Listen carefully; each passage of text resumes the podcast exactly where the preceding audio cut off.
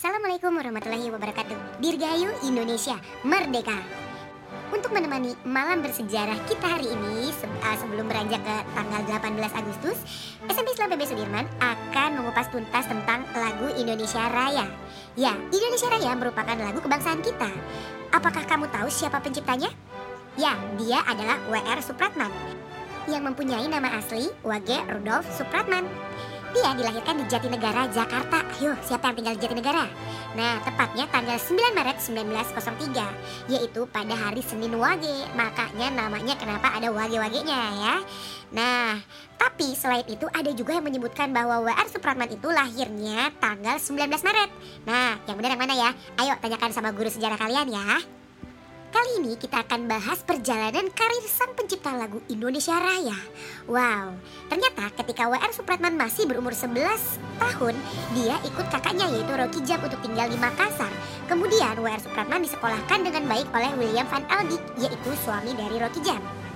Ketika di sana, W.R. Supratman mulai mempelajari bahasa Belanda selama tiga tahun dan kemudian melanjutkan sekolahnya ke New Normal Eh, ternyata kok ke new normal? Ke normal school pada tahun 1923. Nah, setelah selesai, W.R. Supratman menjadi guru di sekolah angka 2 dan mulai bekerja di sebuah perusahaan dagang yang terletak di ujung Padang. Lalu, W.R. Supratman pindah profesi menjadi wartawan surat kabar kaum muda di Bandung. Tak lama kemudian, pindah di surat kabar Simpo Jakarta. Di situlah W.R. Supratman mulai bergaul dengan banyak tokoh pergerakan nasional. Karena itulah dia mulai tertarik dengan pergerakan nasional. Semakin mengenal pergerakan nasional, W.R. Supratman semakin sadar dan mulai timbul rasa geram terhadap Belanda. Akhirnya, untuk melampiaskan perasaan geramnya, W.R. Supratman mulai menciptakan sebuah buku yang berjudul Perawan Desa. Hmm, kok judulnya agak-agak jauh dari Indonesia Raya ya? Ternyata terbitnya buku ini memicu banyaknya orang agar mau bersatu melawan Belanda. Dan ketika mengetahuinya, Belanda langsung mengambil buku tersebut dan melarangnya beredar. Setelah W.R. Supratman berpindah tugas di kota Singkang, ia berniat untuk mengundurkan diri dari pekerjaannya dan memilih kembali ke tempat tinggal kakaknya Rocky Jam di Makassar. Rocky Jam sendiri adalah wanita yang pandai bermain alat musik biola dan sandiwara. Nah, makanya W.R. Supratman itu kan uh, terkenal dengan permainan biolanya ya, gitu.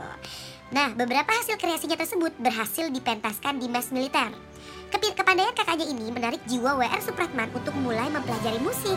Sang kakak pun mengajarinya tentang musik. Akhirnya, W.R. Supratman mulai menunjukkan kemajuannya dengan merubah beberapa lagu.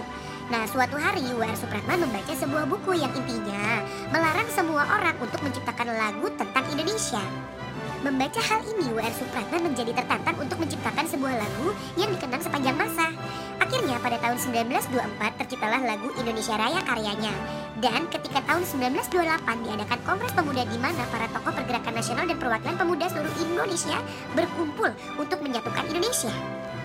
W.R. Supratman menghadiri acara tersebut dan di sana ia pertama kalinya mendengarkan lagu Indonesia Raya secara instrumental tanpa syair kepada banyak uh, kepada banyak orang yang hadir ya gitu.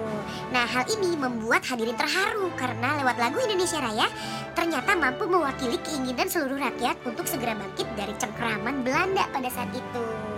Akhirnya lagu Indonesia Raya menjadi lagu kebangsaan Indonesia. Yeay!